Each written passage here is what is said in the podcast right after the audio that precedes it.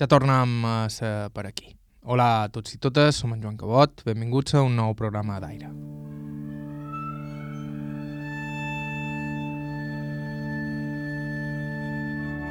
En aquesta feina ens topam contínuament i sense previ avís amb gent formidable, gent d'una potència increïble, amb una força humana brutal.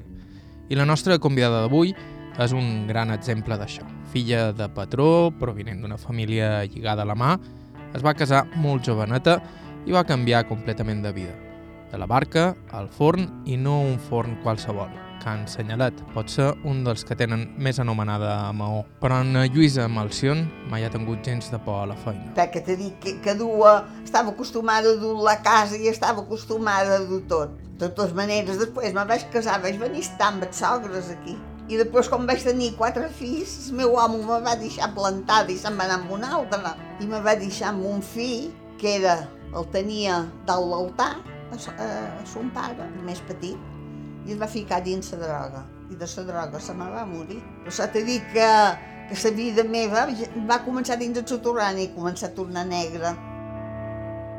La vida d'Anna Lluïsa ha estat dura, però a ella no li ha perdut en cap moment les ganes. De fet, ja va néixer en unes circumstàncies excepcionals, en un refugi antiaeri, en ple bombardeig, durant els darrers dies de la Guerra Civil.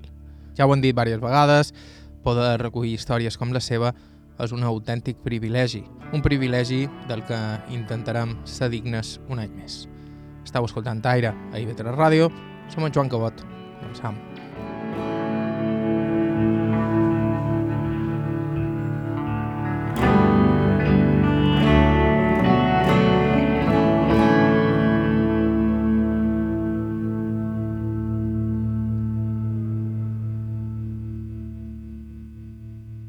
Com sempre, arrencam amb les presentacions. Aquesta és Lluïsa Melcion. Jo som Maria Luisa Melcion Fàbregas. Vaig néixer dia 20 d'octubre del 38. Per tant, tinc 83 anys. I on vareu néixer? A Mó, dins un soterrani. I aquí va començar les peripècies meves dins la guerra, estava quasi acabant, però dins la guerra. No sé si era que ja bombardejaven, sa mamà sempre diu que el papà era pescador, el papà era els gaspans de les barques del Bau, i el papà se n'anava a pescar, que pescava per la bàstia, després no pescaven per ells. O sigui, ell hi posava la barca i els homes hi anaven a pescar per, per, el govern que hi havia en aquell moment, o no sé qui comandar. I, i sa mamà no vivia a un d'alts, al carrer Sant Fernando. Després estava allò tancat, o sigui, no passava, ara s'obert allò, però allò era, estava tancat. No, no tenia sortida aquell carrer. I la darrera casa era allà on hi havia el soterrani aquest, i era un cosí del papà, de, del papà meu, que diguéssim. I hi havia els concurs, els pares d'ells, que, que era una tia del, del papà. I sa mamà dormia els vespres quan el papà se n'anava posava un, es matalaf en terra i tenia el meu germà que tenia dos anys i jo que era bebè i quan tocaven, bueno, tot d'una, dormia amb el meu germà i, i, i quan s'hi havia que tocaven, se n'anava, agafava i a lo darrer me duia jo en braç i aquell estirant i anaven allà perquè el papà no hi era. La mamà mm, sempre ho contava tot amb molta por. La mamà va passar molta por. La mamà, eh, eh, quan hi havia d'això que li diuen racionament i coses d'això, la mamà, com que tenien peix, anaven a baratar menjar amb peix. Eh, o sigui, compraven, anaven al camp i d'un puesto duen a lo millor una sobrassada, d'un altre un cantó de formatge, d'un altre una dotzena d'ous i sa mamà estava embarassada i li he sentit contar sempre perquè havien de passar per filato i com que estava embarassada de jo, dua amagat aquí a sa panxa perquè dissimulava el que passava per filato. Diu, i por, diu, en tenia, no t'ho pots ni imaginar. Ara, jo que nostre no puc dir que fóssim una gent pobra perquè no ho eren. Això és la veritat, perquè papà pescava, les barques del bou eren ells, van anar prosperant, i jo sempre he viscut, després de quan vaig anar d'aquí, mm, tenia 5 anys jo del carrer Sant Fernando i me vaig anar a estar al carrer Sant Eulàlia. El papà havia comprat una casa, una casa com això, però ell era tot, els baixos, el primer pis i els porxos. I, i tenia, van tenir una casa en quarto de bany, en aquell temps que t'he dit ja i tot, o sigui, jo no és que hagi passat perquè es, es doblés, antes de gastar-los li donaven tres voltes, però no, no he estat una d'aquestes que hagi tingut molta penúria, no. Ara gana de moltes coses, sí que ets passades eh, en, en vestits de racionament i tot això, gràcies a tenir un tros de pa. I això va ser molt d'anys, el racionament i tot això. Però bueno, després també me'n record que una vegada, quan anava devia anar a, a, a, a, a, el que ara diuen primer, no sé, no era pàrvules, però encara anaven, anava a escola aquí i la mestressa diu que hi ha, molt, hi ha molta fam, ha passat, passat molta fam i, i, i ara no, no, no hi ha patates. I jo li contest, a que nostre en tenim un sac dins el rebost. Aquella senyora en sol de mà va venir a cercar a que nostra me van donar una tunda a la màquina molt pigadora perquè va venir a cercar patates, que nostre diu, bueno, ton pare ho ha baratat amb el peix, nosaltres això és per passar, i m'entens? Vull dir que jo he viscut, no he passat fam, però maniobres d'aquestes sí que n'he viscut. Com era de caràcter la vostra mare? Deies uh, que era... Era el sargento, el sargento. Feies una endemesa i t'encalçaves a sabat i pujaves dos pisos més de veres que tu. Més de veres. Jo no pujava tant de veres com ell en sa sabat en sa mà. El meu germà era Sunit Barón. Sa mamà era el rei de la casa, allò. Nosaltres tots els tres passàvem pel tubo. Això me va fer passar un pan, anaven a comprar. Volia totes les patates redones, no volia un, una torta ni una dreta, havien de ser totes perfectes ella veurà-la fer un parol d'obrasínies, era un portento, perquè damunt en guard, jo aquí feia feina, després ja de, de gran així i tenia casa, col·locava amb una perfecció allò, tot, i, i el tombava, i si, si aquí no quedava bé el baratava, una cosa que havia d'anar a un museu, aquell parol de fort, que m'entens? Era molt exigent, molt exigent. Sa mamà era de Mercadal, i quan era petita van venir també, eh, eren forners i van agafar un forn en el carrer del Carme, que ja no existeix el forn, ju, just el nombre dos del carrer del Carme. I va tenir ci, cinc fills, que que sona, dama. La mamà era la gran, després la tia Maria, després el concum Miquel, després Tímio i el, i l'Eutimio, cinc. I no, i el concum Perigo, sis sis fills tenien.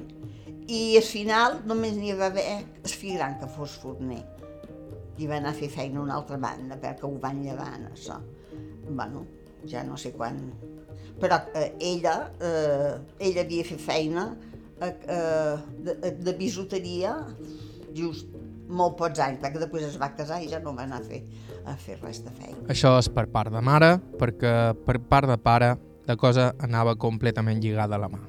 Tothom havia estat pescador. Tots van anar a pescar, però l'avi meu va fer de 7 anys paralític i, i Sàvia era molt petitona, molt valenta ella, però petitona, i clar, i estava morta aquella dona, de, de, perquè ell demanava, tot tremolava, ah, tenia Parkinson, molt exagerat, i, i, i, i l'arrastrava. Per això, es, quan anaven a, a, a cobrar sa part, els mariners, diumenge allò, allà s'hi trobava el barber que pelava l'avi, eh, eh, vull dir, la pentinadora que feia un monyo sàvia, tots els fills, els nets, tothom acudia allà, era una pinya, saps? Jo, tots els mariners han vingut quan jo me vaig casar i, bueno, com que jo ho he viscut d'una manera tan natural, és que no he vist res més, saps què t'ho vull dir? Era... arribaven i, i tothom en sa saneta, eh, a l'hora que, que arribava i el papà se coneixia, el fondo de la mà, sap allà on hi ha un clot, sap allà on hi ha un bony, i a vegades de tan confiat era quan perdia un bou, però era perquè hi havia hagut millor una tramuntanada, una cosa, hi havia hagut una variant, però papà, set senyes i això era un, algo. Sa mare era ibicenca, del papà, i, i l'avi, me pes que era mallorquí. Però fem, ja els, eh, els pares d'ells ja eren aquí, de rebesavi, o sigui que de molt d'anys. La família meva va arribar a tenir tres barques del bou. El que clar eren quatre germans que hi feinaven, eh? Ell, quan dormia, nosaltres eren quatre fills, però no hi podia haver ni una gota de renou. Era, era nerviós, molt massa responsable de la feina, eres gran, era un home molt intel·ligent, que els professors van anar que, que li donassin carrera, i l'avi meu va dir que no, que ell tenia quatre, cinc fills i que si ho donava un ho havia de donar tots. Ell el que tenia era barques i havien d'anar a pescar. I el papà va exercir de gran i... i... Però els dies que, que sortia una tramuntanada, que antes les tramuntanades duraven vuit dies, però vuit dies que t'havies d'agafar per anar al carrer, no com ara, no. I perdien un bou, que és el de pescar, de rastre, valia una fortuna. Allò els dies que el papà perdia un, un de so, estava tres dies quasi que no ratllava, i nosaltres amb una renou no feien ni, ni renou. De, de, de, perquè se posà, estava nerviós, descompost de tot, perquè era, eh, o sigui, ells, els pescadors, ells van, van a la part, o sigui, se, quan pesquen, eh, sabent el peix, i, i apunten cada dia el que fan de doblers. I després fan tres parts, una per la barca, una per patró i una per, per, per, per qui fan feina. I el papà, clar, si perdia, era... A lo millor ja quedaven no una setmana, no millor és un mes que no guanyaven res, m'entens? I això, el papà era una cosa, perquè eren anys que tothom estava malament. Quan estava tranquil, ja t'he dit que sempre ha estat un home molt llegidor, molt llegidor, molt, molt llegidor, no te pots imaginar. Mira, el papà era de la quinta d'en Deseado Mercadal, anava a classe amb el papà. I el papà, fins que es va morir, el dia que no estava llibre, el dissabte de matí, anava a visitar-lo, a fer xerrada, perquè el papà, ja t'he dit, que ell ratllava francès, bueno, eh, no va acabar, però ell va, se'l se va cultivar un poc més, que el meu germà anava a los hermanos i també el donava francès, i quan dinaven ells dos, el papà li feia fer un poc de pràctiques de, de francès. Ara, a les dones considerava que no se'ls havia d'ensenyar més que l'ú de casa. Nosaltres totes sabem cosir, brodar i això totes. Però érem dones, eh? Papà amb això era molt machista. Trobava que s'ha de donar carrera a una dona pel món de Déu. Clar, el papà tindria cent i molt d'anys, però així tot, el papà ho, ho era molt. Mm, jo reconec que sí. I vos vareu estudiar, éreu bon estudiant? No, jo no, perquè me vaig posar a festejar que tenia 14 anys i en els 20 me vaig casar. I l'únic que vaig fer és, sa mamà va començar a estar malalta i jo es pot dir que em gombolava, era la que gombolava més, més a sa casa. Jo dic que jo era com la Cenicienta, sempre he dit igual. Quan jo me vaig casar va quedar l'altra, i també, vull dir, no, no te, e, elles van anar a escola a més anys, però jo crec que jo, dels 12 o 13, ja no hi vaig anar més, no, eh? Però també llegia molt, el papà, el papà sempre sempre mm, barrellar i en tot, li agradava molt la sarsuela i quan venia a companyia amb dues a sarsuela, vull dir que tenia les seves coses. Perquè quins horaris feia el vostre pare?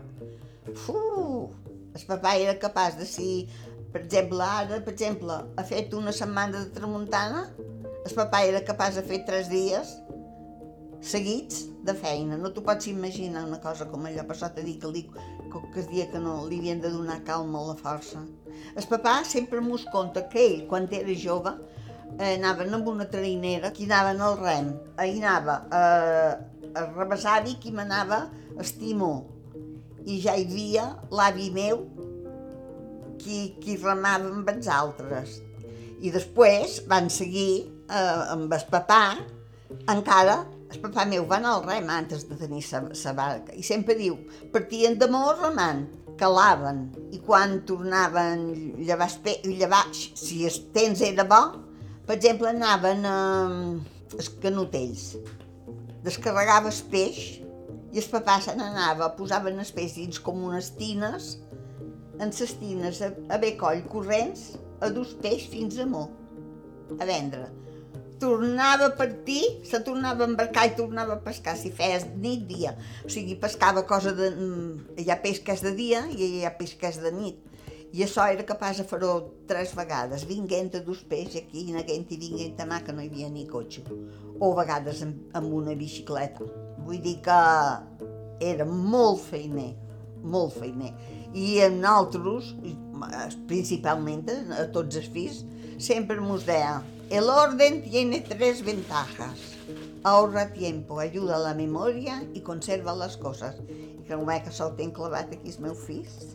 Encara diuen, no, no m'assemblam a tu. Dic, jo vos hi he ensenyat igual que, que me van ensenyar jo. Vol dir que si no ho sou, la culpa no és meva. Jo vos ho he ensenyat.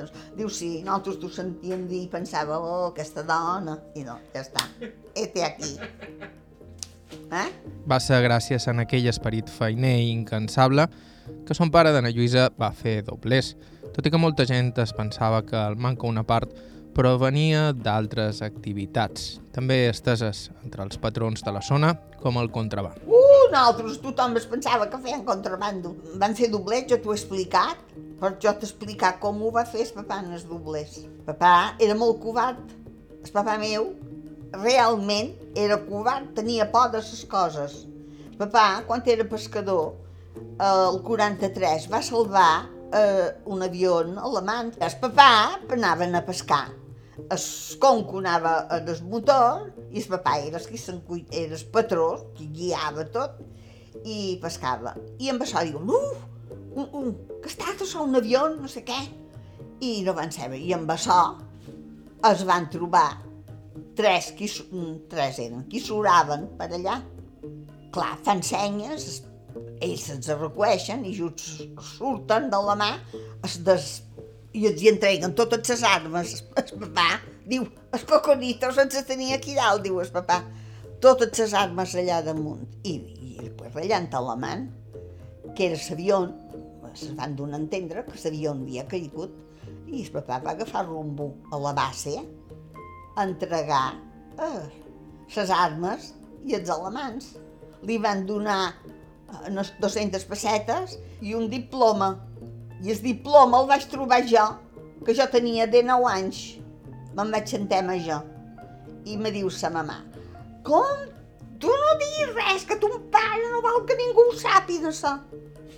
Papà estava cagat d'haver salvat a, a son i va haver de, de, de papers i coses, i, els alemans, i es cap de molt d'anys va, es van, el cercava un, el papà diu, jo no vull saber res, el papà diu, jo no vull saber res, no l'entenc tant si mateix, diu.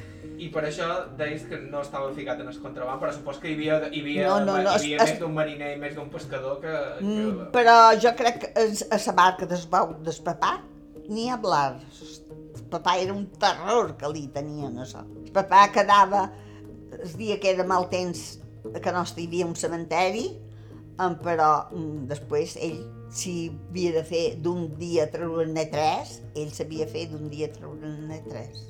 Estraper-lo sí que sa mamà ho feia.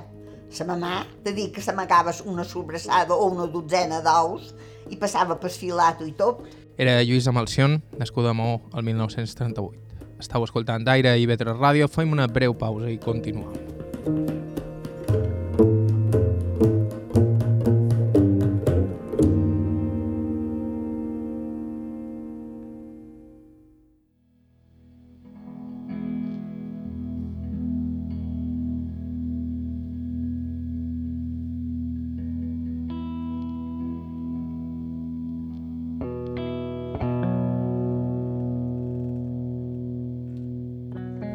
Estàu escoltant Aire i Vetre Ràdio i abans de continuar vos recordam que sempre estem cercant testimonis pel programa, gent amb històries de vida interessants. Així que, si ens voleu fer alguna proposta, ens podeu escriure a aire.ivetresradio.com.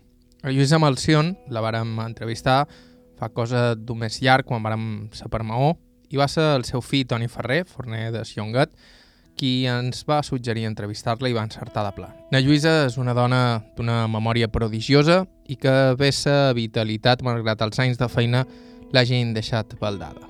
De fet, feina n'ha feta molta, especialment a Can Senyalet, un dels fons més anomenada de, de Maó. Arribaria a Can Senyalet després de casar-se, un moment que per a ella i per moltes dones suposava un canvi radical. Passaves d'estar supeditada a la voluntat dels teus pares, sobretot del teu pare, a estar-ho a la del teu marit. Abans, però, la vida de na Lluïsa s'havia desenvolupat amb certa comoditat i la calma pròpia d'una ciutat petita i tranquil·la com Nosaltres vivíem en el carrer Santa Eulària fins un any antes de casar-me, que després el papà es va fer un xalet mm, darrere el Port Mahon per allà. Que van ser, era el tercer xalet que hi havia allà quan jo hi vaig anar. I no hi havia ni catissa. Després van fer catissa aquí, catissa tampoc no existeix, però després allò va ser però jo record, per exemple, que els dies faners, després no hi havia ningú pel carrer. Jo, per exemple, anava a cosir cada dia i si te retiraves un poc, poc llum i poc de tot. Tu has de pensar que jo he viscut. Quan nosaltres, al principi que tenien la barca, bueno, es tenia un puesto per anar a anar, era els concurs, acudien de la banda de sa mamà, venien, el conco era carnisser, i, i venia home, dona i fill, filla que tenien, i anaven amb en Reiners, venien a Canostra, feien el dia per Canostra, nadaven i això, i tornaven a pujar, i el vespre pujaven tots junts, i quan passaven davant la base, alçaven la bandera, els homes es tots i es havien de posar així. Jo això ho he vist, així. I jo era un al·lot i pensava, saps? I l'únic que feien quan jo era jove era des de Can Esturla, mm, de, quan vés de, de el Carme a l'església, un poc antes, perquè i, i vol, voltaven així i així el carrer, i nosaltres li deien el carrer nou, i no fes més que amunt i avall, amunt i avall, amunt i avall, res més. I es, es diumenge, al millor de matí, anàvem a fer una tapa, això de, de més joves. Hi havia el consell que feien coses de cuina molt bona, si volies menjar escopinyes o cosa més així, eh, eh, aquí és de la Miranda, que quan tu tenies un pare i tot això, però res més que això. I cine, has anat cine. Així mateix, la família passava una part de l'any a l'altra banda, on estiuejaven. Que amb els papàs ser pescadors, nosaltres tenien un viver a l'altra banda d'esport, que, que tenien dos estudis, un menjador cuina i una buga, una, un puesto que hi havia el vàter i, i un de so per rentar i no hi havia res més. Però era la terrassa de de fora i ja entraves dins la barca, com que nosaltres, papà tenia la barca, mira tu com era la cosa, que com que jo era la gran, allà no hi havia ni botiga, ni cotxos, ni res. Jo de matí sempre estava molt de matinera, a les 7 m'aixicava, agafava, desformava la barca, travessava el rem, i el papà tenia la barca, allà on ara hi ha el club marítim i tot allò, el papà allà tenien un, una cotxeria molt gran i totes les tres barques així, una del costat de l'altra, tot allò, i les xerxes d'allà d'ells, allò era bé.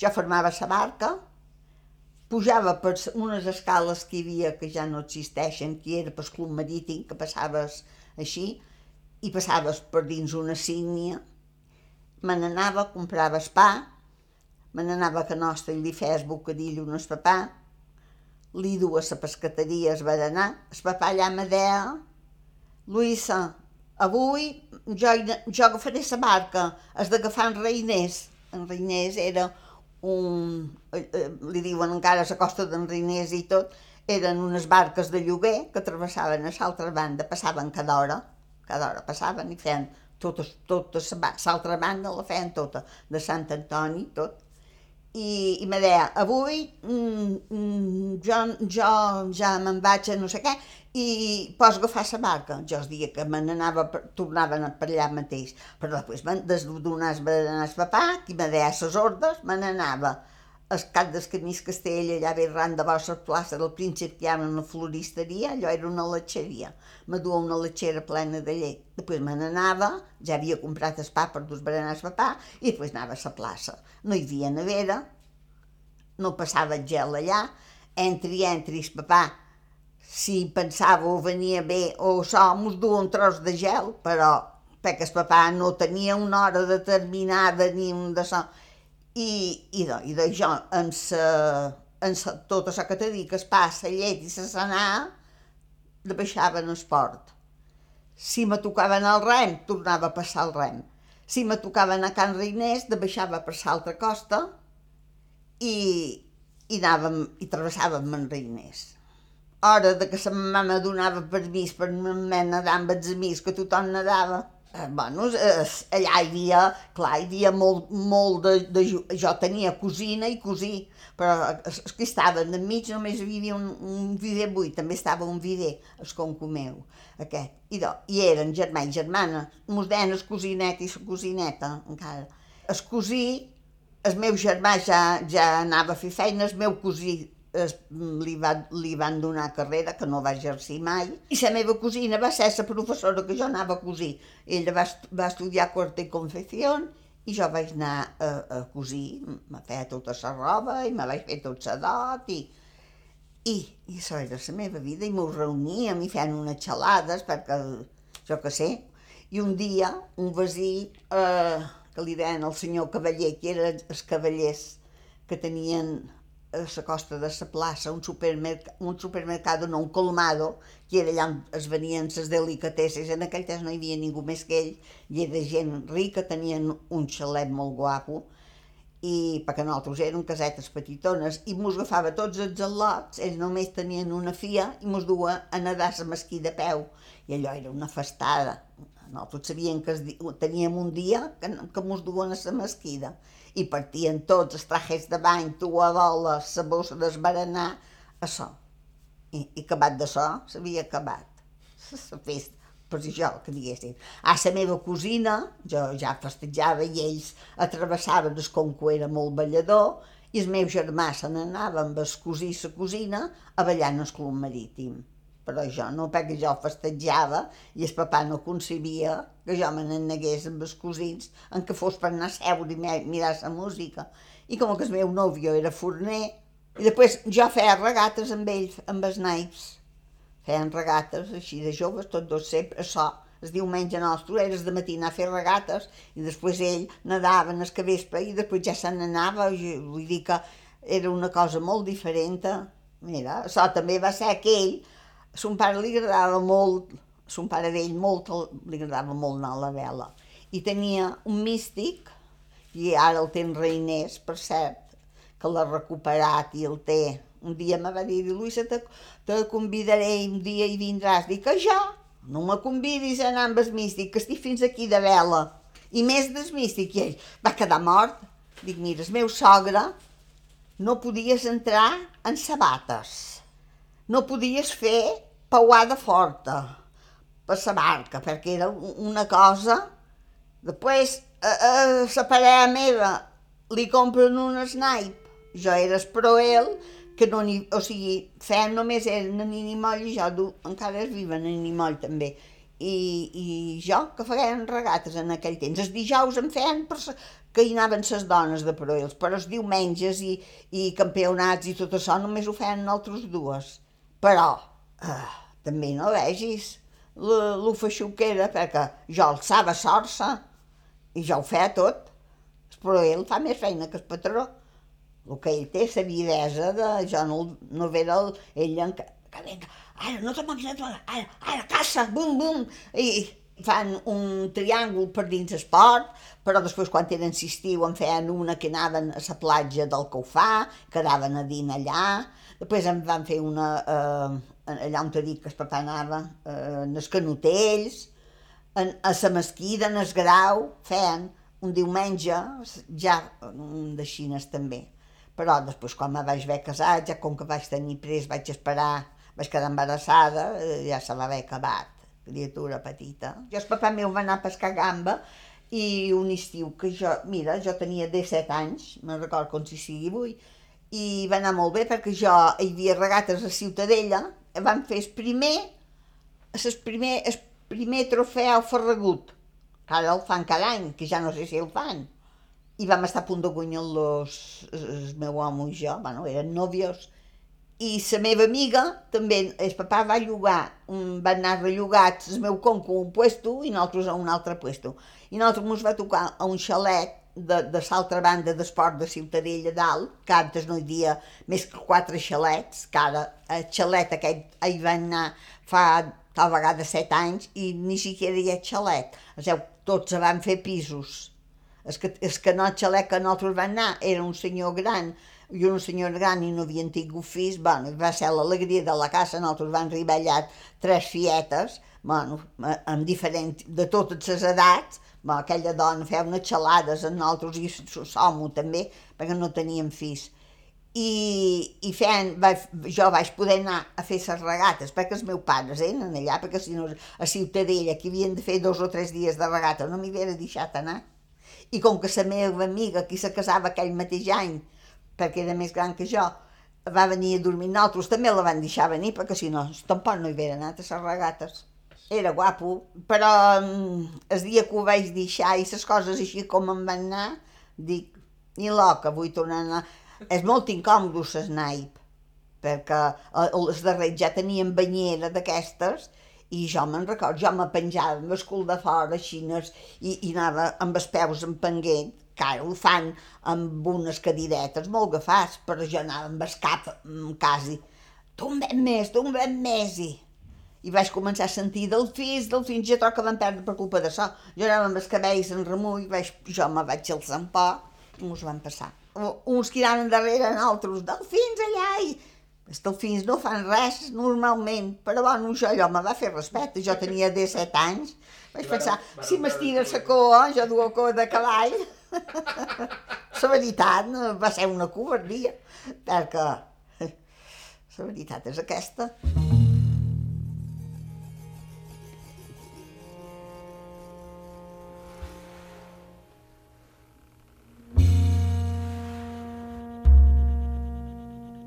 El que seria el seu home, na Lluïssa es pot dir que el coneixia de tota la vida. Quan es varen topar per primer cop, ella era només una nina. Pues, eh, jugant en tenia 12 quan el vaig conèixer, perquè vivia bé darrere nosaltres, eh, mm, o sigui, jo com que entrava per esport i eh, de per la mà i me n'anava cas cosins per, per darrere el caminet, nosaltres fèiem i ell vivia eh, darrere la caseta nostra, més amunt, i ells, en vez d'anar en aquest moll, anaven a de Sant Antoni.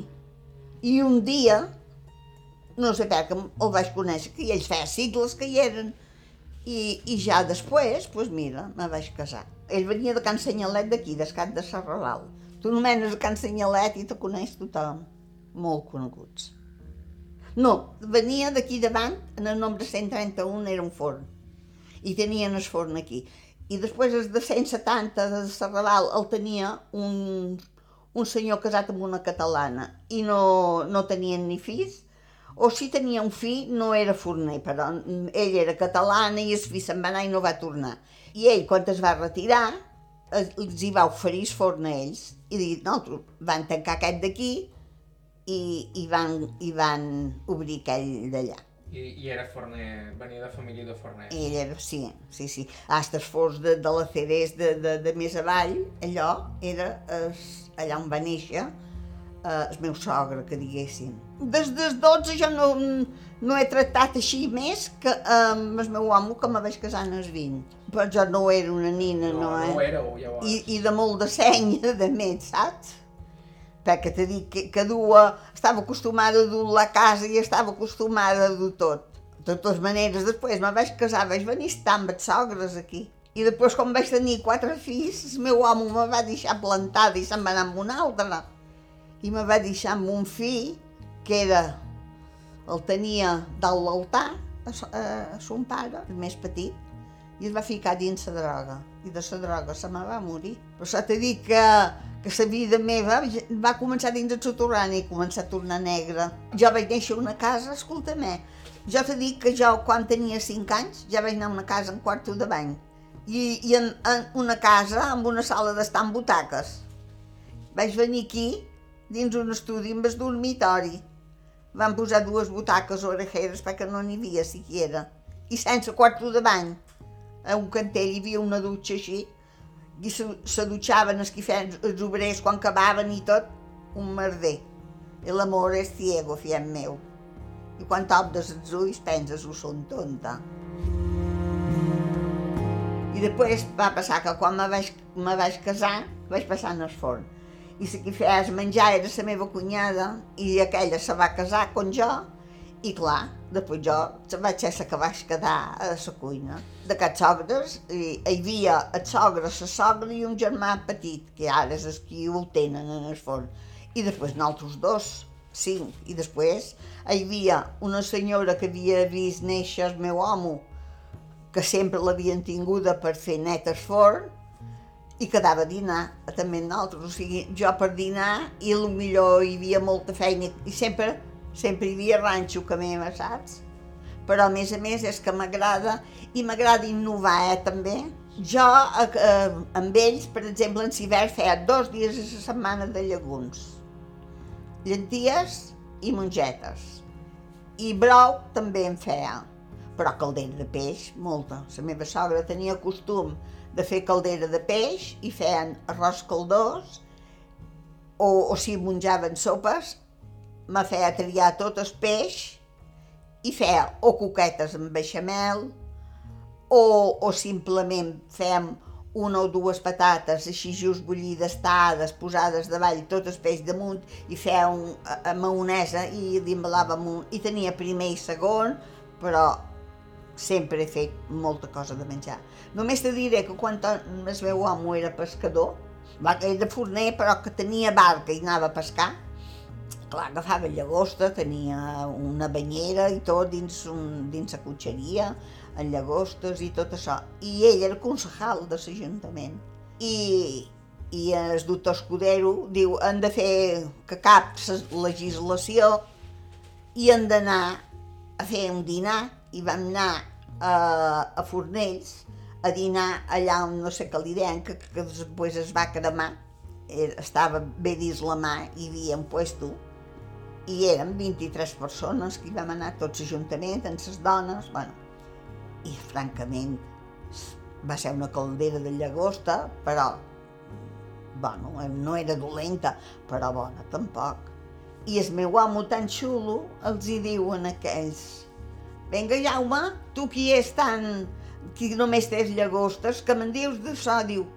I ell diu, la meva dona la fa 20 vegades més bona. La punyeta, que es diu, on do? Vinga, abans si mos convides tu. Diu, jo, si la meva dona es veu capaç a favor menjar, fer-ho tot, jo vos convid. Vaig fer la caldera per 22. N'hi va haver qui van menjar quatre plats. Primer vaig fer, van, van fer, bueno, va agafar llagostes d'aquestes més petites, així de ració d'allà, obertes, a la planxa, un, mitja, llagosta per tots 22.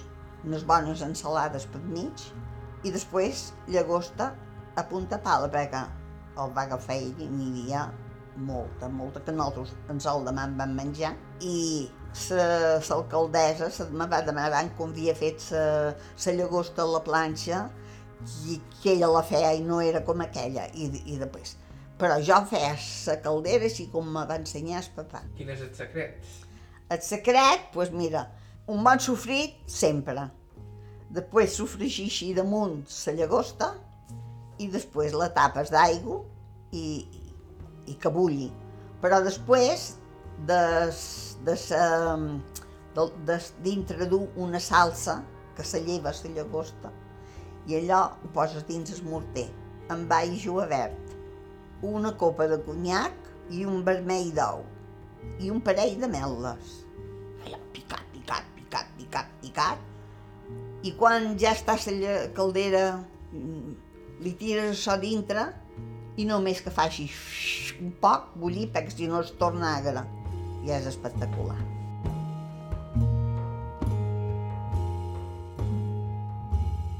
Érem, la meva cunyada i jo, mm, van començar que només despatxaven ses du... Bé, ella, o sigui, tot d'una jo vaig començar i només despatxava. I després van agafar ja una lota que m'ajudàs a, a despatxar jo, i, i, i ella se va enamorar de, de, del cunyat i es va casar amb el cunyat. I quan se va casar, ella ja sabia fer pastes com jo i, i mos tornaven. Però jo sempre era la qui quedava darrere, més després. Després ja vaig tenir sa filla i, i just me vaig casar als 20 anys, la sogra s'aixicava a les 5, ja obríem nosaltres a les 5 a vendre pa, perquè hi havia bé, bé les cases justes cruzades cap de cantó d'aquí dalt, hi havia la fàbrica de Can d'en Cintes, que de germà de la Benorquina, tenia una fàbrica de calçats que donava a l'altre carrer, qui no sé quants d'obrers, i venien a cercar el bocadillo. Després hi havia fàbrica a Can Jové, una fàbrica de bisuteria d'allò ja, perquè jo ja terrall d'un però un gros. Després hi havia davant un altre bisuter, dos n'hi havia, qui també feien molta feina, però més petitet, però també hi havia diversos que, que feien de so. Després hi havia la fàbrica dels teixits més amunt. I resulta que nosaltres només per, per bocadillos de so ja havien d'obrir en aquesta hora. Després, quan van posar el polígono, tots passaven per que nostre per agafar es, es, es, es berenar. Ara ja allà dalt ja fan bocadillos i fan de tot, però en aquell temps no. A les 5 i el dissabte començava a les 4 jo, perquè havia de pastar pasta d'enciamada de mo, aquesta coca que nosaltres empram, que fa muntanyet així, que és per fer mues, que la mateixa pasta pots fer coca d'ubercoc, això és enciamada de mo, que diguessin. I doncs jo, per fer aquesta enciamada, com que el meu home se n'anava a repartir, jo m'aixicava i pesava 25, passar així a puny, perquè el meu home trobava que era més bona l'enciamada pastada de mà, no, no volia màquina 25 quilos de farina, imagina't tu quanta et seu que du sa, sa, els ous, la sucre, allò eh, no hi havia per si tens les espatles, com tenc.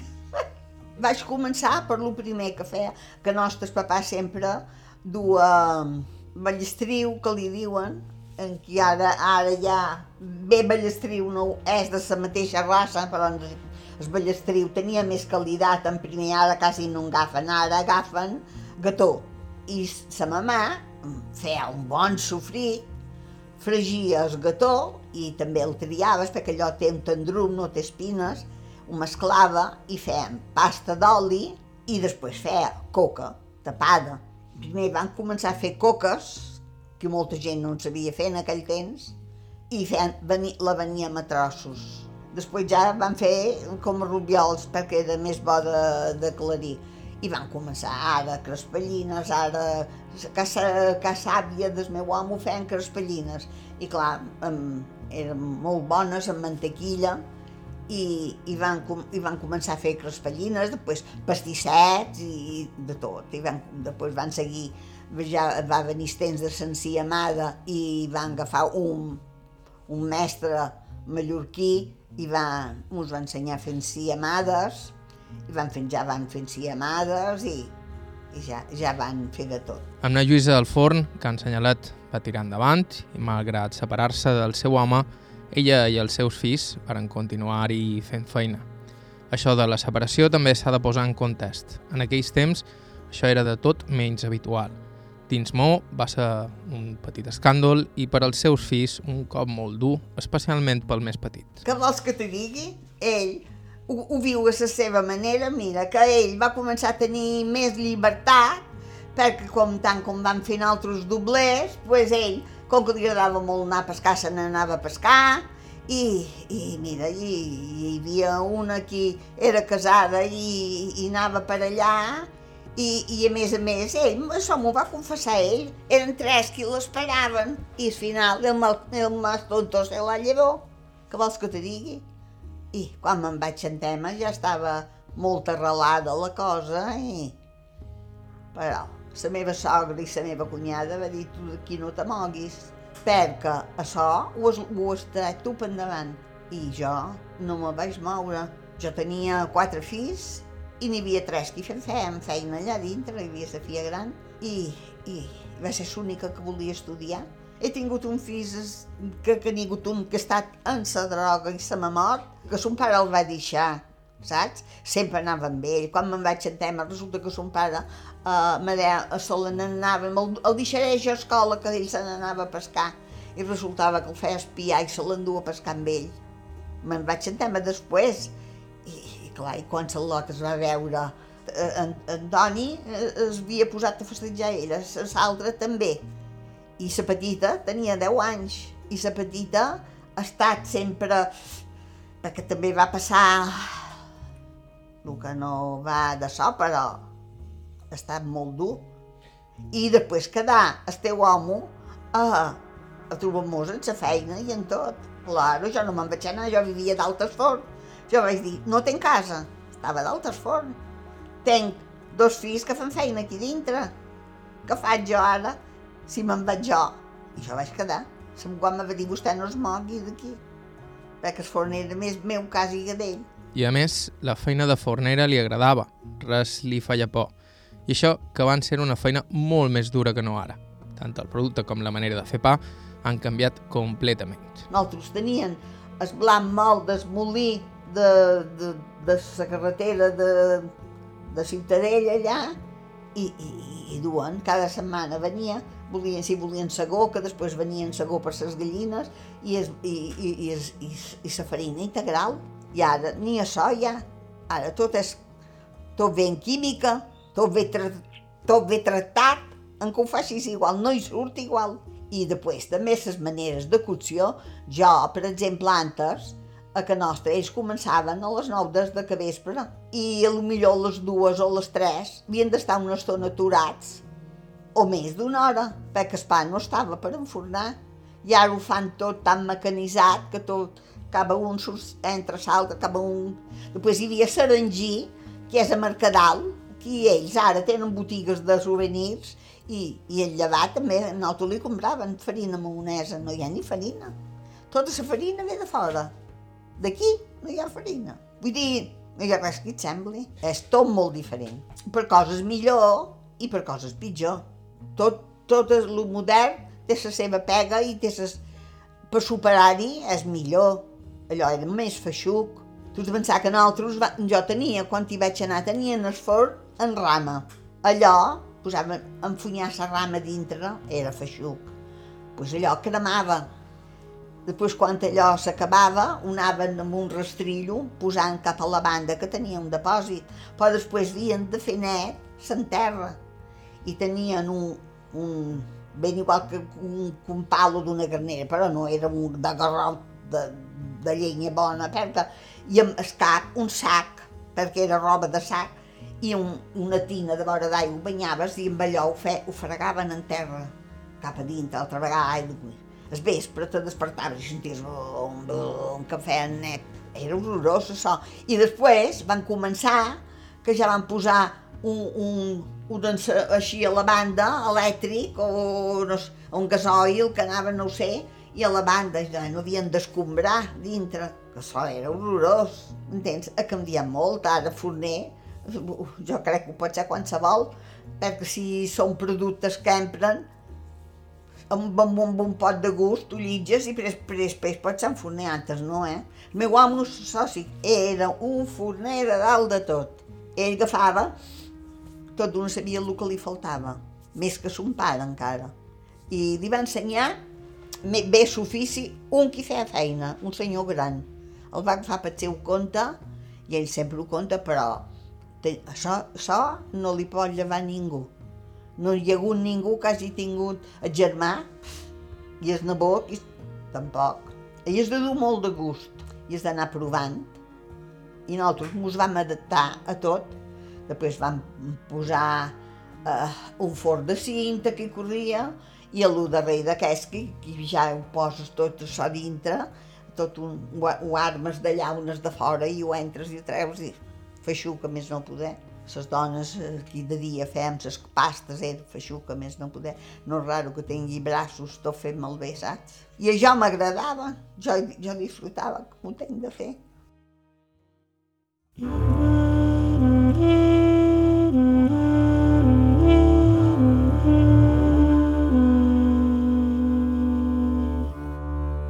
I fins aquí el programa d'avui. Moltíssimes gràcies a Lluïsa Malcion pel seu temps i amabilitat i per contar-nos la seva història. I moltíssimes gràcies també al seu fill Toni Ferrer, que ens va ajudar moltíssim durant els nostres dies a Menorca. Ja sabeu que si ens voleu proposar alguna entrevista, ens podeu escriure a aire.ivetresradio.com i que vos podeu subscriure al podcast d'Aire a qualsevol dels agregadors disponibles a ivetres.org barra carta i trobareu tot el nostre arxiu. La música que ha sonat avui ha estat de Joshua Abrams, Marisa Anderson i Charles Rumbach. Bàrbara Ferrer, la producció executiva, us ha parlat Joan Cabot. Gràcies per ser a l'altre costat i fins la setmana que ve.